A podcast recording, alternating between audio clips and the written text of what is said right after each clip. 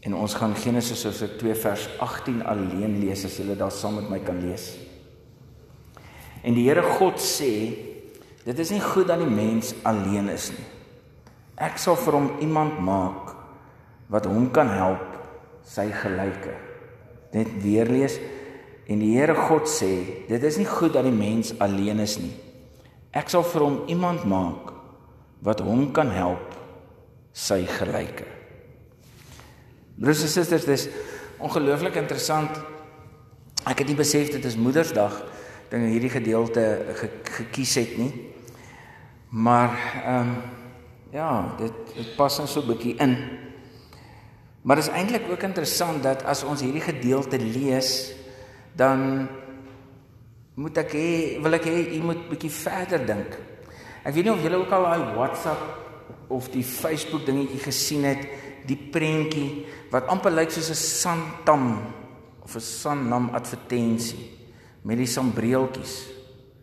Weet julle waarvan ek praat?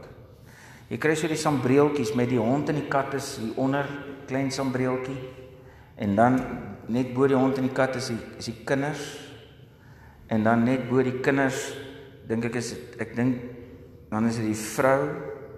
Het julle dit al gesien? No, no julle het nog gesien nie regtig nie. En dan dit ek dit is regtig, ek gaan vir julle wys. En dan net en dan bo die vrou, die sambreeltjie weer bo die vrou is die man. Want die man is mos die hoof van die huis, né? Dis die man. En dan dink ek, ek dink dan is dit God. Ek dink het niemand daai al gesien nie. Nou ja, dis dis is dis dis iets wat mens sien en dit klink so wonderlik, né, nee, want weet die man moet daarom nou die hoof van die huis wees en en dit ons hoor en ons weet ons het dit in die Bybel al eers gelees. Maar wat staan dan nou hier? Hier sommer in Genesis 2, hier by die tweede skepingsverhaal. Hier lyk dit glad nie of daar 'n 'n sambreeltjie ding is nie of die die man hoor is as die vrou nie. Hier word letterlik gepraat van gelyke van equals. Ons is gelyk. Die man is nie vrou se hoof nie. Genesis 2 vers 18. Wanneer daar gepraat word in die Nuwe Testament van die man as die hoof van die huis, dan sê hy vir die man, weet jy wat? Ja, jy's die hoof van die huis, maar jy is so die hoof soos wat Jesus Christus die hoof is van die kerk. En jy moet bereid wees om jou lewe af te lê in diens aan die vrou. sien Jesus is ons hoof. Maar hy is die hoof wat ons voete was. Hy is hier die vreemde leier wat nie die politieke mag wil gehad het nie. Hy kon as hy wou kon hy die politieke mag oorgeneem het sonder 'n verkiesing by die Romeine. Hy het die getalle agter hom gehad. Hy kon in 'n oogwink vir die mense gesê het vir die vir die vir vir vir die vir die Jode Israel Israel gesê het nou is dit ons vat die mag terug en hulle sou dit kon doen. Dit doen hulle net nie. Toe sê maar kom ek wys vir jou. Kom ek wys vir julle as jy in die koninkryk van God die leier wil wees, die hoof wil wees, dan moet jy bereid wees om die minste te wees. Dan moet jy ander hoor ag as jouself, dan moet jy bereid wees om voete te was. Dan moet jy bereid wees om te sterf vir ander. Aan jouself te sterf in die eerste plek. Die ego, die ek maar selfs bereid wees om te sterf vir jou lewe af te lê vir ander. En hier kom sê die Skepper al dit vir ons in Genesis 2. God sê dit verskriklik duidelik. Ons is geskape almal om mekaar se gelyke te wees. Dis nou interessant as hy nou hier bietjie binne in dit gaan dan dan sê hy hier dit is nie goed dat die mens alleen is. Dit is nie goed nie. Hierdie woord wat hy hier gebruik, woord goed, kan ons met 'n paar woorde anders vertaal. Jy kan dit vertaal met mooi of beter of opgewek of gelukkig of kosbaar of gesond. So kom ons as ons dit nou so lees, dan kan ons sê dit is nie beter dat die mens alleen is nie. Dit is nie mooi dat die mens alleen is nie. Jy kan nie opgewek wees as jy alleen is nie. Jy kan nie gelukkig wees as jy alleen is nie. Jy is nie kosbaar as jy alleen is nie. Jy is nie gesond as jy alleen is nie. En dis nou alles goed en wel. Maar wat nou as jy alleen is? Wat nou as jy alleen is omdat jou maat oorlede is of omdat jy dalk nog nooit 'n maat gehad het nie? Of jy's alleen omdat jy geskei is? Beteken dit nou jy gaan nooit weer beter wees nie, gesond wees, opgewek wees? Is dit wat dit beteken? Is dit wat God hier vir jou en my wil sê met Genesis 2 vers 18? Nee. Beslis nie. Want hy wil vir ons meer sê hier oor net 'n verhouding saam met jou lewensmaat. Hy wil vir ons iets sê wat selfs in hierdie tyd waarin ons leef met 7 miljard mense waar daar in hierdie wêreld waarin ons leef 3 vrouens vir een man is. Dit verduidelik natuurlik hoekom ek 'n vrou gekry het. Dis dan die odds is in my guns. Ten spyte van die totale pakket. Ag julle met ouma julle het al my witbrood foto gesien van hoe ek gelyk het toe Des verlief geraak het op my, né? Nee. 25 jaar terug. Ja. Ek sien so 'n bietjie meer, sy het meer gekry as waarvoor sy haar ingelaat het. Weet julle wat? God wil meer vir ons sê oor verhoudings as net oor jy en 'n lewensmaat.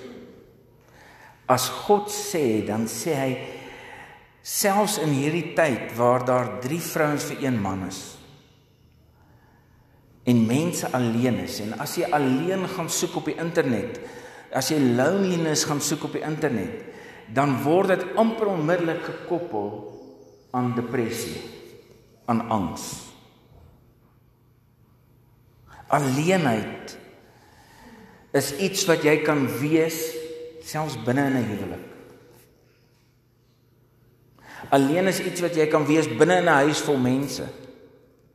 Alleen is iets wat jy kan wees binne in die dorp. Jy hoef nie ver elders op 'n plaas te bly, ver buite die dorp om alleen te wees. Jy kan binne in die dorp bly. Jy kan binne in 'n stad wees, in die grootste stad in die wêreld en jy kan stok siel alleen wees. Daai alleen daai Sondagmiddag alleen. Want daai alleen wat jy wat iemand mos al gesê het, jy verlang na mense wat jy nog nie eers weet bestaan nie, daai alleen. Weet julle wat? Ons sien nie wie alleen is nie. Ons sien nie meer die alleen mense raak nie. Want ons kyk oppervlakkig. Ons vat nie die tyd om bietjie dieper te kyk in mekaar se oë en harte en lewens in nie. Ons vat dit sommer vir die waarheid as ons mekaar groet en sê hoe gaan dit en die ander een sê dit gaan goed. Want wie het nou tyd? Selfs op koffiefontein. Om nou te hoor hoekom gaan dit sleg as jy nou sou sê, weet jy dit gaan nie goed nie. Ons gaan mos maar net aan. En hier kom die Skepper God met die skepping van die mens. En hy kyk dieper. Dis voordat die mens droog gemaak het. Dis nog in die paradys toe alles nou perfek moet moes wees. Kyk God en hy sê dis nie goed dat 'n mens alleen is nie. Dis nie goed nie. Ek kan sien hierdie mense is alleen. Dat dit glad nie so 100% oor die huwelik hier gegaan nie. Die feit is is nie goed dat 'n mens alleen is nie. En God het dit raak gesien. Selfs binne in sy perfekte paradys met alles wat perfek is. Alles wat groei soos dit moet. Reën op die regte tyd. Alles wat reg werk, die diere, alles is daar spekvet en gesond. Maar die mens is alleen. Is nie goed nie.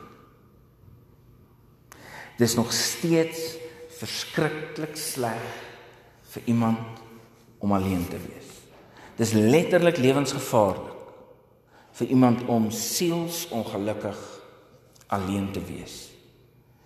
En as God jou en my op die aarde neersit, as God jou en my in Koffiefontein neersit om hier vir hom te werk, as hy jou geskep het om hier te werk, dan het hy jou geskep met een van die redes om uit te kyk vir wie alleen is, wie eensaam is. En is jou en my taak, jou en my roeping om hulle wat eensaam is toe te vou met liefde en hulle nie meer eensaam te laat voel nie. Dis ons werk. Dis ons roeping. Dis wat God wat Jesus kom doen wanneer hy die die wet opsom. Hy sê, weet jy wat, jy is nie alleen in die verhouding met God nie. Jy moet God lief hê met jou hele hart en siel en hy kom woon nou sê ons as Nuwe Testamentiese Christene, hy kom woon selfs nou in jou hart.